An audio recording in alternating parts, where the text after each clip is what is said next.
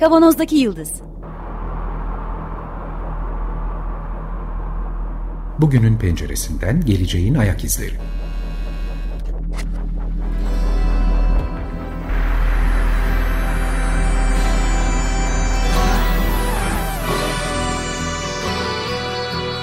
Hazırlayan ve sunanlar İsmail Başöz, Haluk Levent, Mustafa Yılmazer ve Fethiye Erbil. Zorlu Holding Sürdürülebilirlik Platformu Akıllı Hayat 2030, herkes için daha yaşanabilir bir dünya diler. Merhabalar, Açık Radyo'dayız. 95.0 Kavanoz'daki Yıldız programında sizlerle beraberiz. Geleceğin ayak izlerini sürmeye devam ediyoruz. Haluk burada. Merhaba. Ve Fethiye. Merhaba herkese. Ben de İsmail. Üçümüz beraberiz bugün. Uzun süredir kendi aramızda konuştuğumuz ve uzun süreli bir program dizisi haline yapmayı planladığımız konumuza bugün başlama niyetindeyiz. Sosyal medyanın toplumsal, kişisel, psikolojik, ekonomik etkileri üzerine bir dizi yapmayı planladık. Aslında parça parça birkaç yıldır değişik şekillerde biz bu süreçleri e, konuşuyorduk. Özellikle Haluk kendi başına program yaptığı dönemlerde oldukça üstüne gitmişti olayın. Gözetim kapitalizminden sosyal medyayı silmek için 10 neden. Ne kadar? evet. Geçtiğimiz sene yayınlanan, 2020'de yayınlanan bir belgesel vardı. Oldukça önemli olduğunu düşündüğümüz belgesel. Çok güzel bir toparlama yapmışlar. Social Dilemma ya da Türkçeleştirilmiş haliyle Sosyal İkilem ismiyle Jeff Orlovsky'nin yönetmenliğini yaptığı bence çok iyi de kotarılmış bir belgesel var. Çok da eleştiriler de aldı ancak e, desteği çok daha yüksek olan bir belgesel yapıldı. Bu belgeselde bu sürecin arka yüzünü bizlerle karşılaştırmak, arka yüzünü bize tanıtmak niyeti güdülmüş ve bence oldukça da başarılı bir şekilde gerçekleştirilmiş. Buradaki en önemli olay konuşmacıların hemen hemen hepsinin işte former executive diye başlayan Facebook'un, Twitter'ın, Google'ın, Pinterest'in eski müdürleri çoğunlukla. Ve bu eskiliğin sebebi, oradan ayrılmış olmalarının sebebi etik sebepler.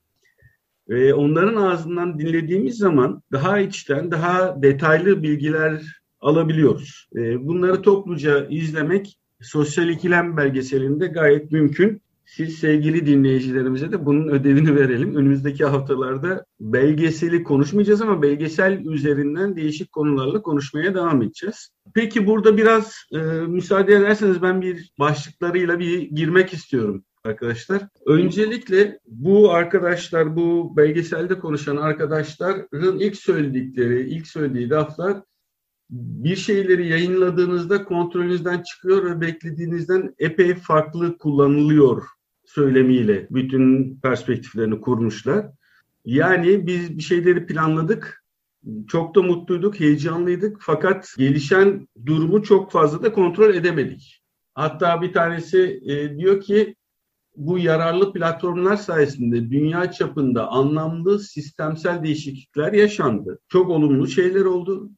Ancak madalyonun öteki yüzü konusunda çok saftık diyor. Yine eski e, müdürlerinden biri sosyal medyadaki diğer bir sürü e, işte Twitter, Facebook vesaire.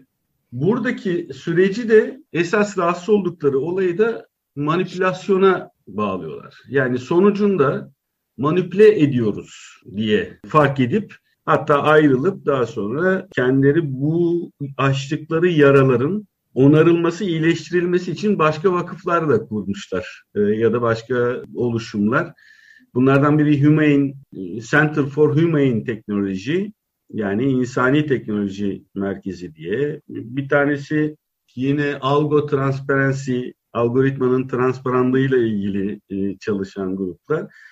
Bu insanların ben içtenliğinden çok fazla şüphe etmiyorum e, açıkçası. Fakat onların da belgeselde de izlerken onların da eksik kaldıkları perspektifler, noktalar olduğunu na tanık oluyoruz. Her ikisi de ya daha doğrusu bütün eski çalışanlar olayı kar temelli anlatıyorlar. Yani tüm bu manipülasyonun arkasında aslında kullanıcıyı ki bu kullanıcı lafı da enteresan yine biraz sonra söyleyeceğim. Kullanıcıya ekran başında tutup reklam vermek üzerinden ne kadar uzun süre ekran başında tutarsak o kadar fazla reklam veririz. Mantığıyla başlayıp bunu da bir yapay zekaya bindirmek. Bir yapay zekanın e, ya da yapay zekaların yardımıyla yapmak. Sıkça kullanacağımız algoritma işte bu yapay zekaya yüklenen algoritma. Temelde kullanıcının ilgisini çekelim ve ekran başında tutalım ve bu süreç içerisinde de olabildiği kadar fazla reklam gösterelim. Bütün bu eski çalışanlar bu temelde söylüyor. Ee, buradaki temel motivasyonu ve bunun da istenmeyen birçok sonuca yol açtığını itiraf ediyorlar ve bundan rahatsız olduklarını söylüyorlar. Şimdi kullanıcı lafı belgeselde çok vurucu bir şekilde ifade ediliyor. Sadece diyorlar iki sektör kullanıcı kelimesini kullanıyor müşteriler için. Kim bir, onlar? Bir tanesi uyuşturucu sektörü. diğeri de sosyal medya. Bu iki sektör kullanıcı kelimesini kullanıyor sadece müşterileri için. Ve her ikisinde de temel özellik aslında bağımlılık geliştirme potansiyeline sahip olması. Yüksekçe bağımlılık geliştirme potansiyeline sahip olması.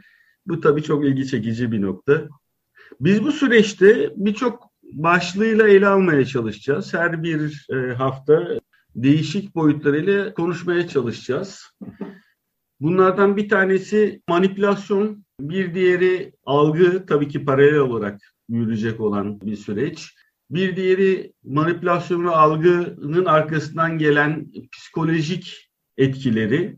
Hem bireysel psikolojik etkileri hem toplumsal psikolojik etkileri ve bunun temelinde yatan ekonomik motivasyon ve ekonomik karşılıklar hem motivasyon olarak hem de çıktı olarak ekonomik boyutları ve yine belgeselde çok vurucu bir şekilde bahsediliyor siyaset alanındaki belirleyicilikleri ki daha önce de konuşmuştuk biraz sonra bahsederiz.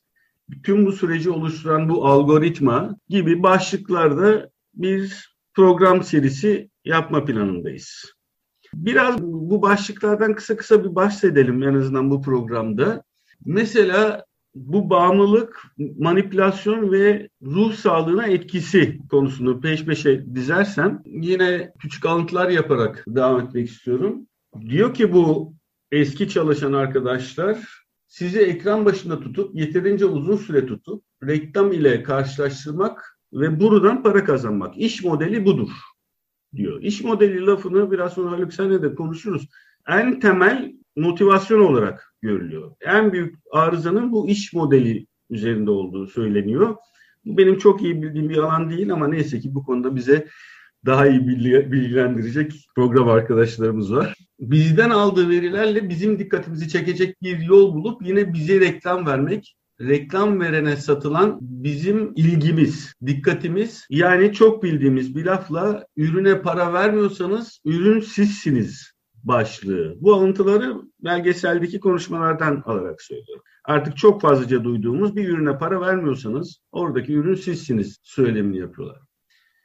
Ancak bu sadece reklam verme üzerinden kurulan algoritmanın bu niyetin yetersiz olduğuna dair de ki katılıyoruz biz buna da diğer fikirler var. Bunlardan biri program başında Haluk'un da söylediği sosyal medyayı kapatmak için 10 sebep kitabını yazan Jaron Lanier diyor ki esas ürün algı ve davranışlarımızdaki o kademeli, hafif ve algılanamaz değişimdir. Ürün budur. Mümkün olan tek ürün sadece budur. Para kazanabilecekleri tek üründür. Hareketlerinizi, düşüncelerinizi ve kim olduğunuzu değiştirmek diyor. Yine bunların detayına en azından bu programda girmeyeceğiz. Önümüzdeki haftalarda bunları konuşmaya devam edeceğiz. Bu yöndeki diğer bir düşünce Soshana Zuboff'tan. Ee, bizim en favori otörlerimizden biri Soshana Zuboff. Surveillance kapitalizmi, yönetim kapitalizmini kitabını yazan çok önemli bir bilgi kaynağı bizim için aynı zamanda. O da diyor ki devasa ölçekli bulaşma deneyleri yaptı Facebook ve Google diyor. Örneğin seçimlerde o oy kullanmalarını nasıl sağlayabiliriz? Şu ana kadar oy kullanmayan insanların bunu denediler ve yapabildiklerini keşfettiler diyor. Gerçek dünyadaki davranış kalıplarını onlara fark ettirmeden değiştirebileceklerini fark ettiler. İşte en büyük manipülasyon noktalarından birisinin burası olduğunu söylüyor Sushana Zuboff ve bunun üzerine bunu keşfetmeleri üzerine yine kendilerine de para kazandırabilecek şekilde e, manipülasyona devam ettikleri ve sonucunda da toplamda bir güç elde ettiklerini söylüyor. İsmail burada bir şey yapabilir miyim? Yani bu iş modeliyle Shoshana Zuboff'un konumu ve onun ötesinde olan biten böyle bir zincir var. Son bir, bir buçuk yıl içerisinde çok e, tartışılan konular bunlar. İşte iş modeli evet yani bir araç olarak e, kullanarak sosyal medyayı bundan para kazanmayı hedefleyen bir sürü iş modeli var gerçekten. Ama bu iş modelini sadece oradan yaklaşmak piyasanın içindekilerin yaptığı ve onu yapmayı sevdikleri, bildikleri bir şey. Bir de tabii onu teorik planda geliştiren Shoshana Zuboff oldu. Shoshana Zuboff'un iddiası şu, bu davranışların yeni bir kapitalizmin varyantı olarak sunduğu yeni bir dolaşım süreci başlatıyor.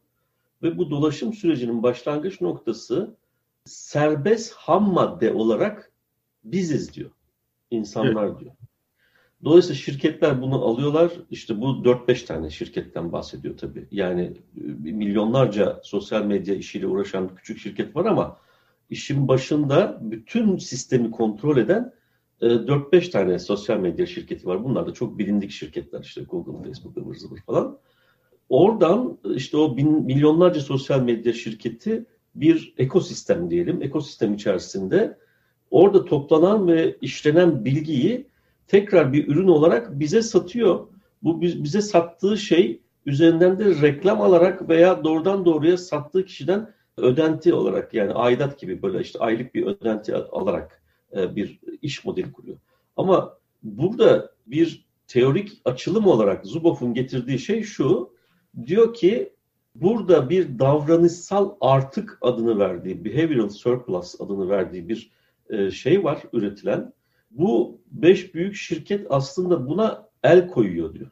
Şimdi bu el koyma işlemiyle beraber dolayısıyla bir arta el koyma, dolayısıyla sermaye birikiminin bir parçası olarak arta el koyma şeyi. Oradan da işte bu kapitalizmin varyantı olarak bunu bağlıyor.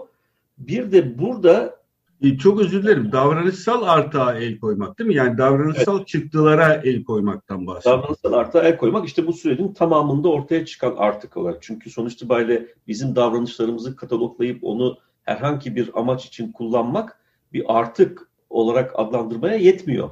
Bu kataloglama ve kullanımı bir de piyasalaştırması lazım. Yani bir fiyatı olması lazım, bir gelir elde etmesi lazım falan. İşte o piyasalaştırmayla birlikte buna artık haline dönüştüğünü söylüyor artık Marksist anlamda artıktan bahsediyorum. Artık değerin kökeni olarak yani. Hı hı. Dolayısıyla e, burada, burada esas enteresan olan nokta Shoshana Zuboff bunu kapitalizmin bir varyantı olarak adlandırıyor ama o kitabın ötesine geçecek olursak yani üretim kapitalizmi kitabının ötesine geçecek olursak burada bir de toplumsal kontrol gücü var bu şirketlerin elinde. Normalde kapitalizmle birlikte ortadan kalkmış olan kapitalizm öncesi ekonomi biçimlerine özgü bir iktisadi kontrol, toplumsal kontrol çakışması, aynı ellerde çakışmasından bahsediyoruz. Şimdi bu o zaman ne oluyoruz sorusunu, yani nereye gidiyoruz sorusuna karamsar bir yanıt veriyor. Çünkü önümüzde bu tek, hep bahsediyoruz bu teknolojik gelişmeler dolayısıyla hani dört gelecek kitabını falan da çok konuşmuştuk daha başlardayken hatta. Önümüzde kabaca iki temel şey var. Bu teknolojik gelişme büyük bir nasıl söyleyeyim serbest zaman yaratma kapasitesine e, sahip kıldı bizi. Ama toplumsal düzenle bu örtüşmüyor. Dolayısıyla bu kapitalizm içerisinde e, kal, kalabilecek bir şey değil. Kapitalizm kabına sığmıyor. İşte Varoufakis'in falan da dile getirdiği, başka pek çok kişinin de dile getirdiği, benim de zaman zaman e, bu program çerçevesinde dile getirdiğim bir kapitalizm öncesi ekonomi biçimlerine dönüş var. Bunu teknofeodalizm olarak kavramsallaştırmıştı en son şey Varoufakis. E, bu da çok yani bu dolayısıyla ilerici internasyonelin de tartıştık onlardan ya da. İşte çok güzel spoiler veriyorsun önümüzdeki programlara ilişkin şu anda. evet, evet biraz düşünme ya da işte okuyup e, okuma fırsatı verir insanlara diye. Çünkü kapitalizm bilinenin tersine lordların serfleri ezerek işte el, gel bakayım sen burada çalışacaksın artık bu toprağa bağlısın diyerek e, yaşarmış ve uzun yıllar hayatiyet e, bulmuş bir sistem değil. Burada güvenlik ihtiyacından dolayı serflerin lordlara sığınma, gönüllü olarak oraya sığınma şey var. Bu sosyal medya çerçevesinde baktığımızda e, birebir de örtüşüyor zaten. O bakımdan da çok ilginç bir paralellik var. Tabii çok daha farklı boyutları var. Onları ileride tartışacağız. Kendi lorduna e, gitmek değil mi? evet. Yani e, bu daha iyi. Yani çünkü tek başına kaldığında o güvenliği sağlama imkanı yok. Çünkü köleci düzenin yıkılmasıyla o büyük görkemli Roma İmparatorluğu'yla kendini vücut bulan işte e, resmen uygarlıkta bir sıçrama da gerçekleştirmiş yıkıldığı zaman tahayyül edilemez bir toplumsal çöküntü oluyor. Yani şöyle söyleyeyim taş ev yapabilecek usta kalmıyor mesela Avrupa'da. Yani ahşap e, evlerle falan şey yapıyorsunuz. Bunu belki Fikret'i falan çağırarak, Fikret Hoca'yı evet, çağırarak. Evet, işte e, bu Viking saldırılarına, barbarların saldırına karşı aşırı güvensiz bir daha önce yapılmış taş şeyler işte o lordların şatoları, motoları falan oraya serf olarak girmek, hayatı sürdürmek için önemli bir adım olarak görülüyor serfler tarafından. Lord'un evet. tebası. Çünkü Lord koruyor onu. Temel ihtiyaçlarımızı manipüle ederek algımızı şekillendirmek çok kullanılan bir kelime oldu. Çok altı boşaltıldı ama buradan yürüyen bir olay. Evet biraz önce söylediğin gibi Fikret Yılmaz hocamızla da konuşmuştuk e, daha önce. Tarihte de gerçekleşen bir süreç ama şimdi niteliksel olarak bu işin farklılaştığına tanık oluyoruz. Çünkü sanki kendimiz seçiyormuşuz gibi bir hissiyatla bunu gerçekleştiriyoruz. Yani bu benim özgür seçimim gibi e, hissederek yapıyoruz bunu. Bir de var. O Bekir Ardır'ın deyimiyle hani kendi odalarımız var ya Evet. O odada kendini güvenlikte hissediyorsun. Aynı evet. Serhat Lord'un Lord'a sığınarak güvenlik ihtiyacını karşılaması gibi. Yani kendi bir süre sonra o kutuplaşmanın etkisiyle de zaten bütün o algoritmalar falan da bahsedeceksin birazdan herhalde. E, bunu sağlamaya e, yönelik. Çünkü e, o iş para kazanmak için bu tür ayrıştırmalar çok önem taşıyor o business model dediği şeyde adamların.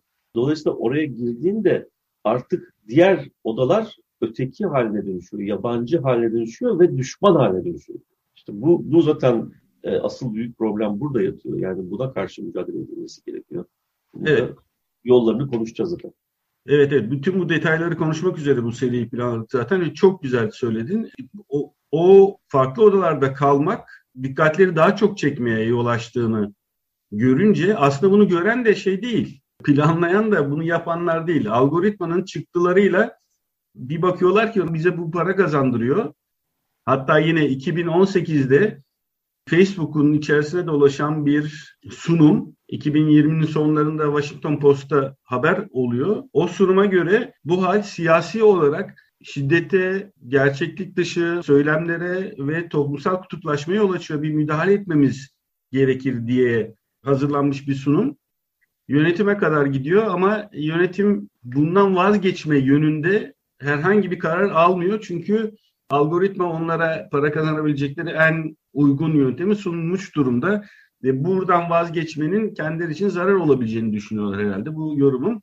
E, bunun haberi 2020 yılında, 2020 yılının sonunda Washington Post'ta yayınlanmıştı. Bunların da detaylarından bahsedeceğiz. Peki belgeselde geçen diğer başlıklardan da bahsedelim. En önemli noktalardan biri bağımlılık ve bağlantılı olarak da ruh sağlığı üzerindeki etkileri. En çok da çocuklar üzerinde, gençler üzerindeki etkileri açıkçası çok ilgi çekici.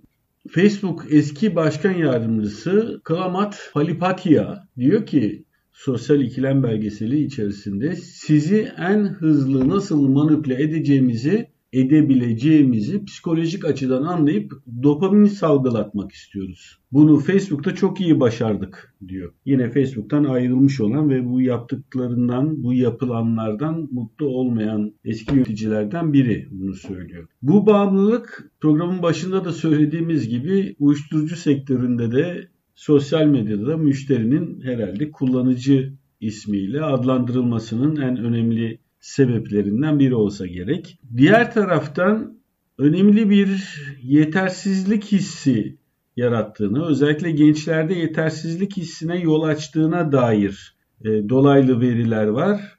Mesela plastik cerrahlar yeni bir terim kullanır olmuşlar. Snapchat dysmorphia e, yani Snapchat uygulamasındaki fotoğraflara benzemek isteyen filtreli selfie görüntülerine benzemek için estetik cerrahi kliniklerinde kuyruk olan çocukları özellikle genç kızları tanımlayan bir kavram bu. Kavram mı diyelim ne diyelim bunu da bilemiyorum. İşte yeni hayatımıza yeni giren söylemlerden biri. Buradaki temel dürtü muhtemelen o fotoğraflara bakıp kendini yetersiz hissetmek. Yine aynı şekilde beğen butonunun peşinde, beğen sayısının peşinde geçen hayatlarda buradaki takdir arayışındaki insani bir taleptir bu. Buradaki beğenilme isteğinin içerisinde bunun tersi gerçekleştiği zaman yani yeteri kadar beğenilmediği zaman kendini yetersiz hissetme hali söz konusu oluyor çokça. Dahası yapılan bir takım istatistikler 2015 yılından itibaren özellikle genç kızlarda intihar eğiliminin ve kendine zarar verme eğiliminin gerçekten arttığını gösteriyor. 2015 yılı aynı zamanda sosyal medya kullanımının da artışının başladığı yıllar. Bu yıldan sonra her iki grafik yani gençlerin intihar sayısını gösteren grafikle sosyal medyanın kullanım sayısını gösteren grafik paralel bir şekilde yukarıya doğru çıkıyor. Özellikle 18 yaş altında ciddi bir artış var fakat çok da acı olan kısmı 15 yaş altında bir üst yaş grubuna göre neredeyse iki kat fazla. Eskisine göre %180 artış izlenmiş. Kızların da daha çok sosyal medya kullanımı gösterdikleri yine yapılan istatistiklerle ortaya çıkarılmış durumda. Bu bir korelasyon tabii ki bir, bir bağlantı, ilişkisel bir bağlantı sadece bir nedensellik en azından şu anda söylenmiş değil. Değişik yorumlar yapılabiliyor. Biz de bunun üzerine uzun uzun konuşmayı planlıyoruz zaten. Ben bir tane okuma önerebilir miyim o arada? Belki başlamak ister dinleyicilerimiz. Ee, Adam Alter'ın Karşı Konulmaz adlı bir kitabı var Paloma yayınlarından. Gayet güzel bir şekilde Türkçeleştirilmiş aynı zamanda yabancı bir eser. Bu teknolojik aygıtların ve çoğunlukla da sosyal medya araçlarının insan psikolojisinin ve insan hatta fizyolojisinin sırlarını fark ederek onları kendilerine nasıl diyeyim bir fayda sağlayacak şekilde, bir bağımlı yapacak şekilde dönüştürmenin arka planı hikayesini anlatıyor. Gerçekten birçok bilimsel kanıtla bunu anlatıyor. Bunu okuduktan sonra da ve belgesel izledikten sonra da kendi e, gündelik elinize telefon alma, sosyal medyaya bakma alışkanlıklarınızı gözden geçireceksiniz. Bende büyük bir etki e, bıraktı açıkçası. Bir daha söyleyelim kitabı. Adam Alter Yazarı. Karşı konulmaz. Kitabın adı. Paloma Yayın Evi. Paloma Yayın Evi'nden Karşı Konulmaz isimli kitap. Güzel de bir kapak yapmışlar. Ben görebiliyorum şu anda. Son olarak yine belgeselden birkaç vurucu cümleyle tamamlamaya çalışalım. Diyor ki bunlar teknolojik araçlar. Bizim hep söylediğimiz gibi işte teknolojiye karşı çıkmak değil e, mevzu aslında. Ama bu teknolojik araçların nasıl kullanıldığıyla ilgili çok güzel bir benzetme var orada ya da çok güzel bir açıklama. Teknolojik araçlar normalde seni bekler. Bisiklet gibi mesela. İhtiyacın olduğu zaman kullanırsın ve sabırla bekler seni. Seni dürtmez. Bütün teknolojik araçların aslında hayatımızdaki yerinin bu şekilde olması gerekiyor. Ama buradaki teknoloji seni sürekli dürten, sürekli kullanmanı isteyen, e, belgeselde o kadar güzel anlatmışlar ki bir süre uzak kalınca da değişik şekillerde sana uyarılar göndererek onu kullanmanı isteyen doğal olarak da aslında burada kullanan özne sen olmuyorsun teknoloji seni kullanıyor. Seni çağırır sen beklersin gerekli olan sensin onun için diye bir cümle var. Yine ilginç bir tanım vardı. Sen televizyonu seyrettiğin zaman televizyon seni seyretmiyor ya da sen billboard'u gördüğün zaman billboard seni görmüyor.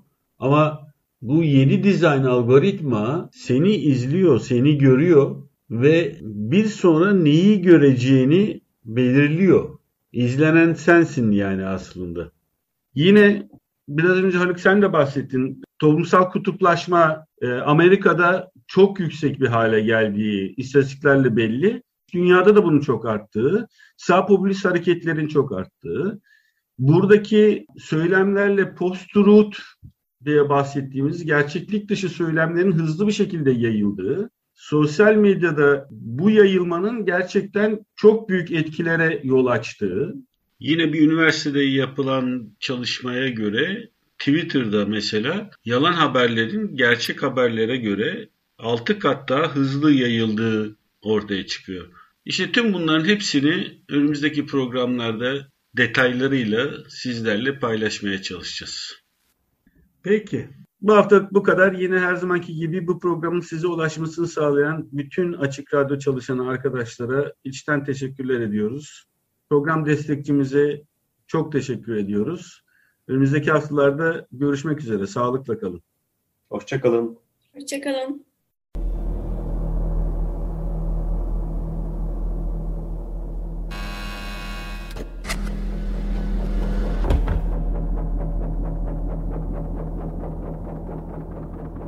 Kavanozdaki Yıldız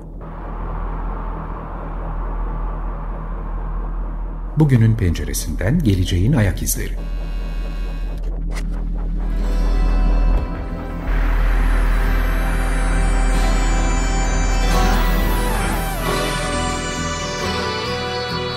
Hazırlayan ve sunanlar İsmail Başöz, Haluk Levent, Mustafa Yılmazer ve Fethiye Erbil. Zorlu Holding Sürdürülebilirlik Platformu Akıllı Hayat 2030 sundu.